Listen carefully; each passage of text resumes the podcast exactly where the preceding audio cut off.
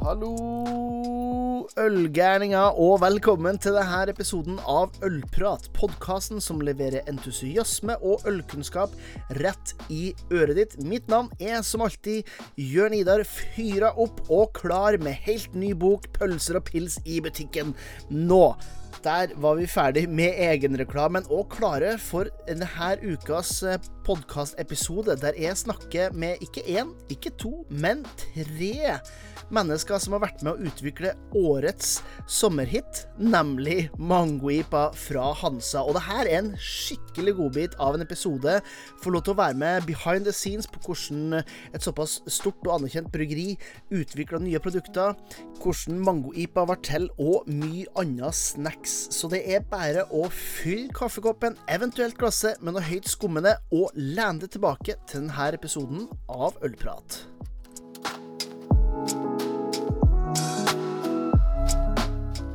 Da ønsker jeg velkommen til det digitale studio. Intet mindre enn uh, tre individer som representerer selve hjertet av verden.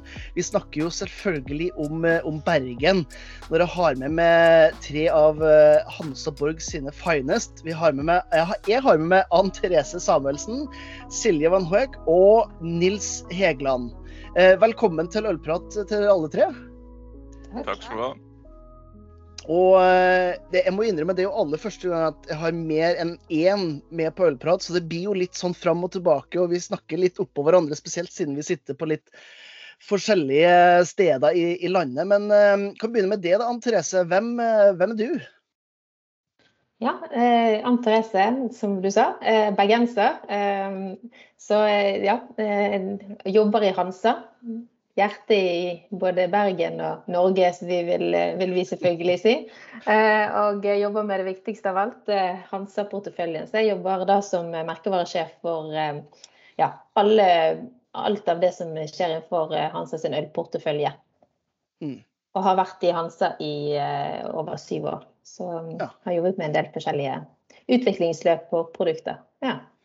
Vært med, en, vært med noen år, ja. Så Silje, ja. Hvem er, hvem er du, Silje? Jeg er eh, leder for produktutvikling eh, i Hansaborg. Eh, på alle våre egne produkter, enten det er på øl, sider, brus og vann. Og da jobber mye med innovasjonsprosessen fra idé til ferdig produkt. Mm. Og, og, sist, eh, og definitivt ikke minst, så har vi jo eh, Nils, da. Nå har vi snakket, vært litt innom det merkevare, og det har vært litt produktutvikling. Og da må jo du være selve mannen bak eh, gryta? Jo, det stemmer det. Nils heter jeg. Jeg har vært i Hansa Borg siden 2000, så det begynner å bli 21 år. Så så jeg står jo for uh, å sette sammen resepten for uh, ølet og uh, følge det fra vugge til grav, for å si det sånn. og, og, de som hører på det her, de er kanskje litt sånn overraska. For det første at, det, at, vi greier å være fire stykker som prater samtidig her. Folk vet hvor, hvor, glad jeg er å prate og høre min egen stemme, så får vi se om jeg gir plass til noen andre her. men blir kanskje også litt sånn, sånn sånn interessert i hvorfor jeg har eh, fått lov til å ta en prat med dere. Fordi at eh, Jeg må jo innrømme at Ølprat, eh, podkasten, henvender seg ikke hovedsakelig til, uh, til de som drikker mengdepils. Jeg tør jo påstå at de som hører på det her, er litt godt over gjennomsnittet interessert. Det er derfor jeg kaller dem ølgærninger. Men jeg tror jo det er litt viktig å, å, å vise den prosessen som dere i, Hansa gjør på en måte fra, fra A til Å. Og, ehm, og, det kan man på en måte ikke Jeg kan ikke beskrive det, så det må dere hjelpe med. For jeg bruker å si det at hvis man snakker om de små bryggeriene, så kommer det, så kommer det et nytt øl hver gang de nyser. Da er det liksom, da er det en poff, og så er det noe. Men sånn funker det ikke helt, uh, helt hos dere. Uh, Ann Therese Silje, kan ikke dere dere to er med helt, sånn, helt i, i, starten, vil jeg tro. Kan ikke ta litt gjennom en prosess for en uh, fødsel av en idé til et øl? Ja, jeg kan jo kanskje begynne helt sånn over Vi jobber jo, det, det gjør jo Silje òg, men vi jobber jo med en innovasjonsprosess som starter egentlig ganske Gjerne snakker vi år i forveien av et produkt. Da. Altså vi er ute med og, og analyserer både markedet hjemme som vi opererer i, altså, men, men, ser veldig mye ut i verden og til hva som skjer ute i både Europa og USA og rundt forbi. Eh, og prøver å på en måte ha et bilde av det som skjer. Og det, det som skjer ute, kommer kanskje mye senere eh, til Norge. Nå går det litt fortere de senere år, men, men, men, uansett så tar det litt tid før på en måte trenden treffer Norge. Så, så vi prøver å, å, sondere litt, eh, følge med hva som, hva som skjer i Norge og hva som skjer ute, og prøver å finne ut eh, ja, hva som ville passet. Og så jobber vi litt med det med utvikling av altså de segmentene som er de produktene vi allerede har. Så innovasjon hos oss er liksom mer enn bare å finne på et helt nytt produkt. Det kan være videreutvikling av produkter vi også allerede har. Da. Mm. Ja, og Når du ser det ute i, eh, ute i verden og henter inspirasjon og ser etter trender, er det, er det da mer sånn hovedsakelig på hva de store bryggeriene, makrobryggeriene i utlandet gjør, eller er det de små man ser på, eller er det som helhet? Absolutt som helhet. Og eh, det ser vi nå i forhold til det som har skjedd altså med, med craft-inntoget som har vært så sterkt. og at Det er jo viktig for oss å være tett på hva som skjer der òg. Og eh, vi ønsker jo virkelig være en en, måte, en liten sånn, hva skal vi kalle det, en litt inngang imellom der, da. Eh, til, for å trekke med oss. da.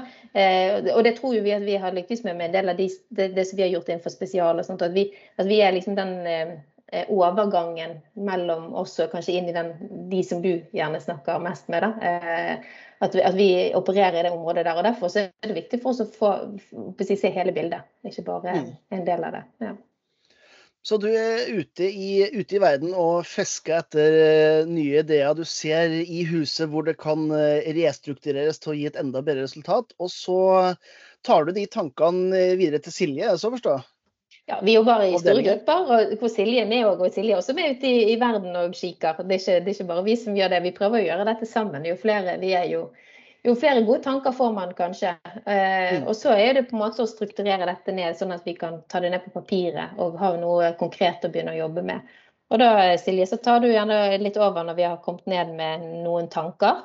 Sant? Da har du eh... Ja, vi, altså vi starter jo med veldig mange ideer eh, før vi må snevre det ned litt til hva som enten er reelt med tanke på hva vi kan produsere, volum, eller hva vi tror blir den største trenden til neste år. Da. Mm. Eh, men som Ann Therese nevnte litt, eh, mye av det vi drar på i utlandet er typisk en ølfestival og sånne typer messer. er en veldig fin måte å se hva alle andre i utlandet gjør. Mm. Er det mye IPA som ser ut til å trende? Er det fruktig? Hvilken retning man skal gå i? Eh, og det kan gi oss en tanke på hvor vi skal peile oss inn på. Eh, og så går det mye på smaksutvikling, hvor jeg jobber med eh, hva slags store smakstrender som vil komme til neste år eller året etter. Er det en type kombinasjon som passer bra til, et, til en IPA kontra et hvetøl f.eks.? Eh, og når vi da begynner å ta mer form på det, så er eh, Nils og de andre bryggerimesterne våre også med på videreutviklingen på hva slags type øl vi ønsker å ha. Er det en IPA eller er det et hvetøl? Um, og utvikle selve den basen, da, uh, hvor vi da mm. kan kombinere med ulike smaker. I Mango IPAs tilfelle var det i hvert fall en smaksutvikling. Mm. Ja, for det syns jeg jo litt eh, eh, Jeg må innrømme at jeg, jeg, gjør jo narr av Hansa. Men før vi, før vi, på en måte brenner med her på korset, så må jeg si at jeg gjør narr av alle andre også. Fordi at eh, jeg mener at vi skal ikke ta hverandre eller seg selv for høytidelig. Så jeg bruker jo å si det at det finnes jo flere norsklærere og rørleggere som brygger øl, enn det finnes bryggere som brygger øl i Norge. Fordi at de fleste kommer ikke fra en uh, bryggeutdannelse i utgangspunktet. Og, og, du Silje, du, sånn som jeg forstår det, så du har jobba bl.a. som kjemisk ingeniør. Ja, ja. Det er mange år siden nå, men ja. ja. Men, men, bare for å, for å si litt eh, om det Hva er på en måte bakgrunnen din da, når det kommer til eh, Eh, bakgrunnen min inn til produktutvikling, tenker du på? Ja, eh, spesifikt det. Eh, jeg er jo utdannet sivilingeniør i kjemi og bioteknologi. Um, og så har jeg tatt uh, bryggerimesterutdanning i København. eh, nå de siste to årene. Eh, deltid. Eh, mens jeg jobbet i Hansa Borg. Eh, så jeg vil påstå at det er eh, mer eh, den erfaringen når det gjelder ølbrygging jeg kan bidra med enn selve masterutdanningen. Da, da valgte nok jeg mer mikrobiologi, men det er klart ja. de kjemiske prosessene er litt lettere for meg å forstå. Men her må jeg jo si det er Nils som styrer det showet.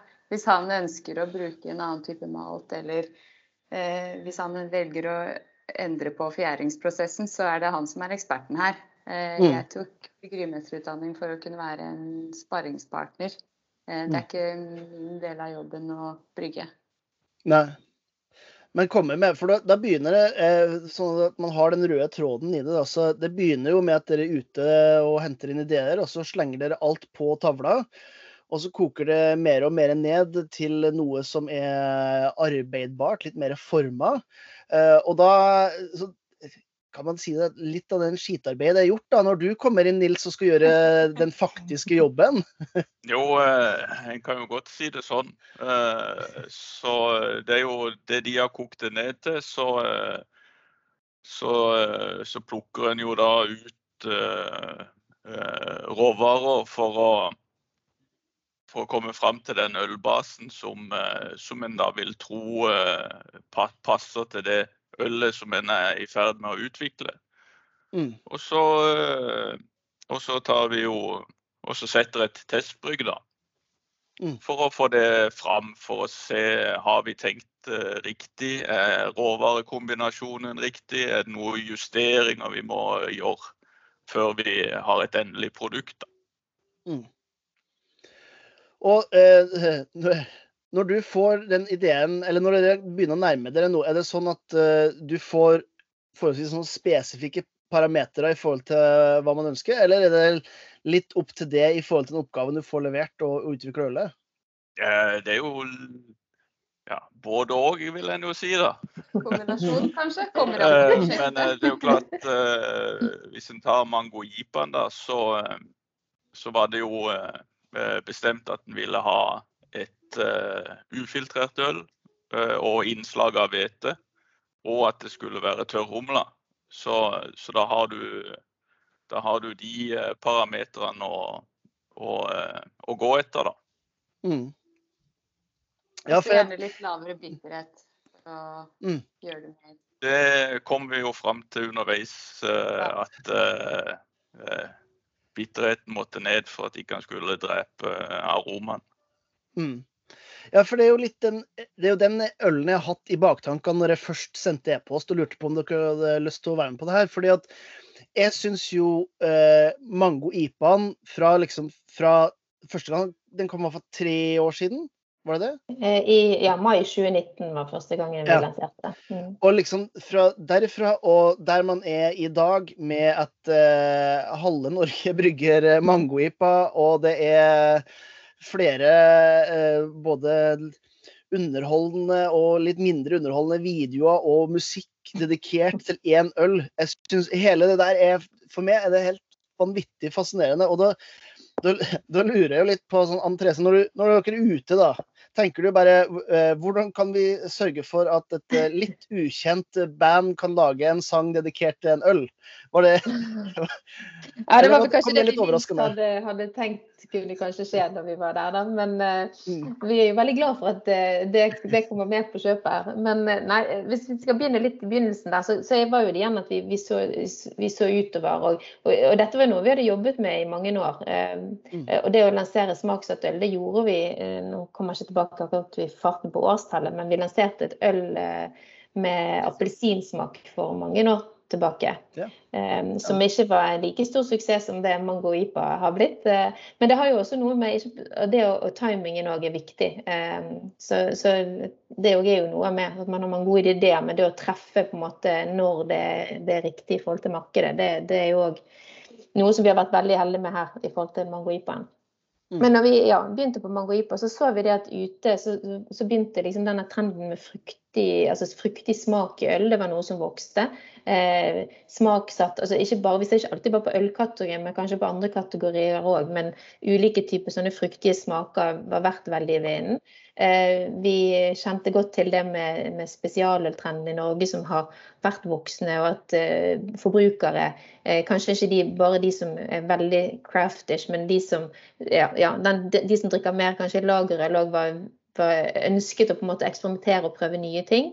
Eh, så det hadde vi med oss. Og samtidig så har jo det med lyst og lettdrikkelig vært noe som, altså, som, er viktig for forbrukere Å få de til å smake og tørre. Eh, at det er noe som er lettdrikkelig. Så det var på en måte de parametrene vi hadde med oss inn i, inn i prosessen. Vi ønsket noe lyst, lettdrikkelig, men samtidig noe som hadde den riktige smaken, og at det var fruktig. Så det var kanskje et litt sånn overordnet brief som vi ga videre til, eh, til Nils, da, eh, i tillegg til det som han sa på den. Ja. Og vi ville treffe en bred forbrukergruppe. Det, det, det ønsket vi. Altså vi, vi, skulle treffe bredt med den. Eh, mm. Mm. Eh, nå, nå, er jeg jo ikke oppe i hodet ditt, Nils. Men det som jeg, som jeg, begynner, med, som begynner, med, å si, det at, at uh, hver gang en, eh, en, brygger på et mikrobryggeri uh, nyser, så kommer det et nytt, uh, et nytt, øl. Og den prosessen som det beskriver nå, den tar jo ganske sånn lang tid. det er ikke noe som blir gjort når du har litt influensa, for, for å si det sånn. men hadde, hvordan er det at når du skal lage nye øl, så, så tar det, det såpass lang tid, da? Ehm, er det noe som du syns er en fordel, eller skulle du ønske kanskje at du hadde mer frihet til å uh, leke det med noen nye, nye, øl? Det er litt ledende spørsmål, merker jeg, siden du har jobba snart i 21 år i Hansa. da, Men, uh, men, men følg resonnementet. jo, altså det tar lang tid. Selveste det å starte et nytt produkt til det i butikk. Men en har jo Eh, hele tida flere prosjekter gående. Eh, så, eh, og vi står jo til dels ganske fritt til, til å prøve ut ting. Mm. For, for, å se om vi kan hente fram noe, et nytt produkt som kan være noe å, å satse på. Kanskje ikke i denne omgang, men da bygger en seg opp noe erfaring, og så kan en hente det fram seinere. Mm. Så når, du, når, når dere kom fram til at, uh, at det skulle bli en mango-IPA, kan ikke du som bryggere kan ikke ta oss gjennom litt den testperioden og liksom fram til der man er i dag? da? Hvordan har, eh, har, har det utvikla seg oppskriftsmessig, råvaremessig? Eh, for å ta det kort sånn sett, så er jo opp, oppskriften den, eh, den har jo ikke endra seg. Den ble jo satt eh, når vi kjørte testbrygge i sin tid. Men uh, det vi gjorde med, med testbrygget, det var jo at vi uh, tok og lagde forskjellige uh, batcher med forskjellig aromatilsetning for å komme fram til den riktige komboen. Mm. så så det ja, det var egentlig ja. kort fortalt. Ja, men det, men det er helt vi, men det, eh, og, så går jo, og så går jo de produktene en da henter fram, det går jo inn i, i smakspanelene på, her i Kristiansand og på, på Hansa. Og så, så smaker en seg jo fram til hva er den beste komboen. Er det Eh, må vi gjøre noe med aromatilsetninga, eller må vi gjøre noen endringer på ølbasen? Enten med tanke på tørrumlingsprofil, eh, bitterhet mm. eller eh, sødme på ølet. Kan dere si noe om Kanskje du Silje har lyst til å si noe om hvilken, hvilken, var det, hvilken smak var det som ikke på en måte var noe særlig å, å trakte etter? Vi tester jo veldig bredt helt i starten. Eh, og det er kanskje før Nils har rukket å sette et prøvebrygg til meg. Eh, da kan det hende jeg bruker en tilsvarende base vi allerede har på markedet. Mm. Som vi kan lage sånn helt basic lab-prøver av, da. Mm. For der kan, lage, der kan jeg lage 20 forskjellige smaker. Mens hver gang Nils setter et testbrygg, så er vi i ganske mange tusen liter. Så da må vi ha én eller to smaker igjen eh, når vi kjører de testene der. Mm. Eh, men i starten så var vi inne på flere tropiske frukter. Eh, og det er jo mango også. Fordelen med tropiske frukter er at de gir ganske mye sødme og kan dekke over bitterheten du får fra typisk IPA. Eh, vi var innom flere sitrusfrukter, men vi har også vært eh, i helt andre enden og testet med eh, kryddertilsetninger. Vi har hatt agurk til og med. Det var Mm. ikke en suksess, men på et eller annet kart det dukket opp, så var det verdt å teste. Eh, ja. Men eh, på slutten så var det vel eh, tre forskjellige smaker vi satt igjen med. Um, Mm. Og så er jo ikke en mango er ikke bare en mango. Den Nei, kan være det er umoden, den kan være moden, den kan være søt og syrlig. Ja, så det er veldig mye som kan spille inn der, da. Mm. Det er jo eh, Altså, den prosessen som ligger bak uh, produktet, det er jo ingenting som er, ingenting som er tilfeldig. Uh, det er jo litt sånn tilbake til det igjen, Anne Therese. For én ting er jo at, at innholdet er veldig bra, og Nils har gjort en knallbra jobb. Og man har på en måte luka ut alle de agurkene som ikke passer oppi der. Uh, men noe annet er jo for folk til å faktisk ta den med seg fra, fra hylla. Og eh, nå skal jeg, skal jeg gå litt, eh, eksponere meg litt, og så tør å påstå at eh, mangojipaen dere kom med, var jo, det er jo langt fra den første mangojipaen som har vært på markedet. Men det er ingen i Norge som har laga en, en sånn suksess, da, kan du, kan du si. Eh, DLF, det er jo Dagligvareleverandørenes forening, ga dere innovasjonsprisen i, i 2020. Og som sagt, det skrives uh, sanger, og det, altså det, det, Den har fått veldig mange fans, da. Men hva er noen av de grepene som er gjort rent sånn uh, markedsføringsmessig for å prøve å underbygge det ølet som Nils har, har brygga? Ja, altså det, det er jo som, som, kjent så har jo ikke vi eh, i Norge store muligheter for å drive med markedsføring av alkoholholdige produkter. Så, men, men, produktet vårt og den store arenaen, spesielt på dette produktet som er på dagligvare, det er jo hvordan produktet ser ut, altså emballasjen den er, den er vist i. Så, så, det var jo noe vi brukte mye tid på. Vi ville at dette produktet skulle være litt annerledes. Vi ville treffe en del forbrukere som kanskje ikke eh, til vanlig var inne i ølkategorien. Og hvordan skal man gjøre det? Jo, da må man på en måte da, da er det, det det som skjer ute i butikk, eh, det er der, det er der arenaen er eh, for å vise seg frem. Og Derfor så tok vi noen grep i forhold til design som var litt annerledes enn det vi pleier å gjøre på, på våre andre produkter. Så, så vi gjorde jo da, vi, altså vi, vi la vekt på at vi skulle ha et design som virkelig skilte seg ut. Eh, det skulle være i øyenfallet. Og vi ville at det skulle bryte litt med det det vi kaller liksom tradisjonelle kategorispråket til øl. Da. Det er jo, Mm. Hvis man går ut og ser på ølhyll, så er de Iallfall opp, til- opp til Mangoipa kom, da, så har vel det kanskje vært ganske sånn tradisjonsrikt. eh, Og at det følger noen spesielle fargekoder. Men vi ville på en måte tre litt rett ut av det eh, og, og gjøre noe som, som virkelig viste seg frem, skilte seg ut. Og man kunne egentlig ikke gå forbi det i butikk uten at man, man stoppet opp og fant ut hva det var for noe. Så det var, det var på en måte det vi hadde som, som tanke når vi gjorde designet, da. Mm. Og så hadde jo vi noe, Mango noen veldig gøye farger å spille på. Og så har jo vi et designoppsett. Vi har jo fulgt på en måte det, det designoppsettet som vi har på, på øl, altså på, på, de andre ølproduktene våre, men samtidig satt inn i en litt annen, litt annen verden. Og den komboen der, eh, jeg tror vi har vært en del av det som har gjort at vi har lykkes sånn som vi har gjort med produktet. Eh, Mm. Ja, for eh, Det her vet jo dere mye bedre enn meg, selvfølgelig, som jobber med det til daglig. Men jeg husker at i 2019 så var det mangoipa, og så var det tomt ganske raskt. Eh, og så i 2020 så var det mangoipa, og så ble det tomt ganske raskt. Og da husker jeg da var jeg på noe som heter Smakmessa eh, i Lillestrøm, som er en sånn Horeka-messe. Det var to uker før, eh, før Norge stengte ned. Eh, og da så jeg liksom OK, nå, nå gjør Hansa noe greier her, sånn, for da var, det, da var det det som var i fokus. Det var hele, nesten hele standen deres.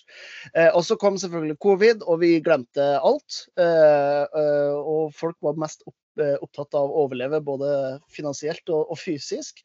Eh, og så er liksom 2021, da er det, altså, da er det norsk invasjon av mangojipa. Det kommer ut på torg, og det kommer Altså, det er overalt er det mangojipa.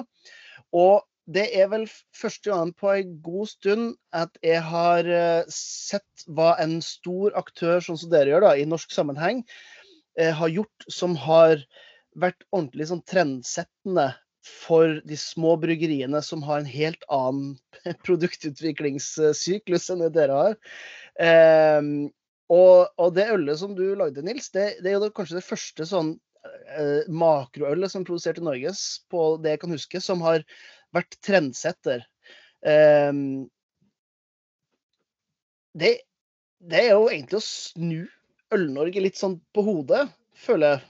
De små bryggeriene som starta litt i protest. Protest, sier det i store anførselstegn og gåsetegn og hele tatt eh, for de som hører på. Men, eh, men mot det at man ikke hadde en, en eh, et stort sortiment, ikke mye variasjon. og så har på en måte eksplosjonen av håndverksbryggeriet gjort at dere som er litt større, må også innovere. I form av husker fortsatt IPA-en når den kom. Eh, eh, White Deepan, dere har Chili Blond, dere har gjort en del innovasjon. Men det her var første gang jeg så et øl som eh, nesten dikterte og fikk andre bryggere til å, å, brygge noe de aldri har brygga før. Var det litt, var det litt sånn uventa, Nils, når du hadde først brukt lang tid på å lage det, eller? Jo, At uh, Mango IPA skulle bli en sånn suksess, var det vel ingen av oss som hadde trodd, sånn sett. Så eh, det, det, første året når vi lanserte det, så var vel eh, estimert volum 300 000-400 000 liter. Og så vokste det til året etterpå, og eh, i 2020 så var vel, var vel 2,5 millioner liter som skulle selges, og det røyk jo ut fort som svint. Så, mm. så vi sleit jo med å med å få tak i nok humle til, til det produktet. For du, du, skriver jo humlekontrakter et år i forveien. Eh, og eh, når du da står i juni måned, så, eh, så er det ikke så veldig mye humle å hente. Så, så det er jo en av grunnene til at, at det har vært avbrekk i, i produksjonen. Da. At rett og slett tilgangen på råvarer. Men det vi Men, kanskje kan ja, Unnskyld, Else. Vær så god. Nei, for jeg tenkte, tenkte du spør om også, sånn i forhold til eh, på det at vi, at vi, på en måte er trendsetteren, da. Eh, så tror jeg at mye av det vi har lykkes med her, er jo det at eh, som vi, som vi på en måte begynte med, vi ville treffe veldig bredt. Og det at vi også fikk med oss på en måte den spesialøldrikkeren samtidig som vi har fått med oss den litt mer hva skal si, lagerøldrikkeren. da, det at vi har fått så stor bredde på det, det hadde kanskje ikke vi heller forventet i den grad som vi har hatt uh, suksess med. At det skulle treffe eh, ja, så mange. Eh, men det er jo også det som gjør at vi har kunnet komme så tydelig ut i butikk, og at de volumene har blitt sånn som de har blitt. Og Det er jo fordi at det er et produkt som faktisk selger så godt til, til så mange. Så, så, det har jo vært en faktor med på å gjøre at vi har At de volumene som har kommet ut der ute, de har jo forsvunnet bort igjen veldig, veldig fort. Og eh, det var som de sa, vi, vi, hadde jo ikke i det vår villeste fantasi når vi lanserte den i mai 2019, tenkt at dette skulle være eh, så mange millioner liter eh, volum som, som, det er blitt til. Eh, eh det, men det var jo litt derfor vi testet ut som en limited edition òg. fordi det er jo som sagt, det er jo ikke sånn at vi helt vet når dette Eh, den trenden slår inn, eller om, om, vi faktisk treffer. Så det er jo på en måte for oss å teste ut. Da. Og eh, mm. denne gangen her viste seg å slå alt vi i det hele tatt kunne tenke oss. Det, ja. Men eh, det må jo være litt gøy også. Kanskje spesielt for deg, Nils, da, som eh, tar den her fra, si, fra vugge til grav. om det er lov å si. Men å se ja, hvor mange andre det blir grav ennå. Men jeg tenker, det må jo være litt gøy å se hvor mange andre norske bryggerier som har latt seg inspirert av det som, det som dere har laga. Jo, det er jo fantastisk å se uh, at, uh, at, andre bryggerier hiver seg på den trenden. Uh, mm. Det så vi jo også når vi kom med, med Hansa Ipan i 2013. Da var vi jo alene om det fra industribryggeriene å være til stede med et sånt et produkt eh, i, i dagligvare, så kommer jo de òg eh, etter, sånn sett. Mm. Så, eh, så det, det, er artig å kunne være de første ute på markedet med et produkt, og så se at, at det faktisk har en plass der ute, og at andre følger etter. Så Mm. det, det er utrolig artig. Har, du noen gang smakt noen andre sin mangoip og så tenkt bare ah, det, var ikke, det der gjør du bedre sjøl? Jeg har lov å svare på det. ja, du skal slippe. Det, veldig, jeg føler, det var også et litt ledende spørsmål. Ja, jeg, jeg tror eh, jeg tror Du avstår for den? Nei, det, det er greit. Nå har vi, nå har vi jo snakka litt om, om mangoipene også. eh, Nå skal vi begynne å, å, å nøste inn litt, eh, litt grann her, tenker jeg. Um, men Silje, min spådom for 2022 er jo at vi kommer til å få se uh, masse radlere. Uh, rett og slett. Eh, jeg, jeg må innrømme at eh, hadde den, hadde den eh, grepfruktradelen deres kommet i, på fat, så hadde jeg heller konsumert det enn å båret fram og tilbake på de her uh, sekspakkene som er gjort i hele, hele sommer. Hva, hva, Det er, det er Hva- veldig godt hva- å høre. ja, det og det sier jeg ikke bare for å smiske. Um, jeg får skylde eh, ølbloggeren eh, Lasse Lukaks for at han tipser meg om den. Og så får jeg forbanne han for at jeg har så tom eh, lommebok hele tida pga. det gjennom sommeren. Men hva, hva fra, fra avdelinga di, på en måte, hva er det du ser som hvis du ser altså short term, to år, men kanskje tre eller fem år fram i tid, hva, hva tror du vi kommer til å få se mer av i, i Norge av, eh, av øl- og drikketrend? da? Eh, Når det gjelder øl spesielt, da kanskje, eh, så, og generelt andre kategorier også, så er det veldig stort fokus på lavalkohol og Mm. alkoholfritt. Eh, Og der kom jo radler inn. Eh, Det er jo på 2,4 eh, i hvert fall den Hansa-radleren vår. Eh, Og her tror vi at det fortsatt kommer til å være en betydelig vekst innenfor NOLO, da, som vi kaller det på fagspråket. No and low alcohol. Um, eh, så det er en av de trendene vi ser tror kommer til å vokse en del. Um, og Ann-Therese og jeg spesielt, sammen med resten av markedsavdelingen, da, eh, jobber jo mye med innsikt også, for å se hvilke trender når det kommer til kategori også, eh, som kommer, i tillegg til hva slags smakskombinasjoner, da. Så om det kommer en ny radler i fremtiden eller ikke. eh, For å supplere til Hansa radler grapefrukt. Mm. Men fortsatt litt på det, på det lavere alkoholtrenden man har sett kanskje sør i Europa ganske mange år, egentlig. Begynner å komme hit også. Ja. Vi jobbet jo med en radler faktisk for flere år siden, husker jeg. Eh, type fem, seks, sju år siden. Men den har aldri kommet til markedet, fordi vi internt fant ut at det var kanskje for tidlig å lansere det i Norge. Det var Du finner det i Europa, i Nederland, Tyskland, Belgia, nedover. Veldig populært. Har vært det i mange, mange år. Mens Mm. akkurat i Skandinavia har vi på en måte ikke sett den store utviklingen der før nå, da. Ja. Eh, så da vi startet prosjektet på nytt, da, eller hentet opp igjen eh, i fjor eller for to år siden, det var da vi da startet på den radaren vi har nå.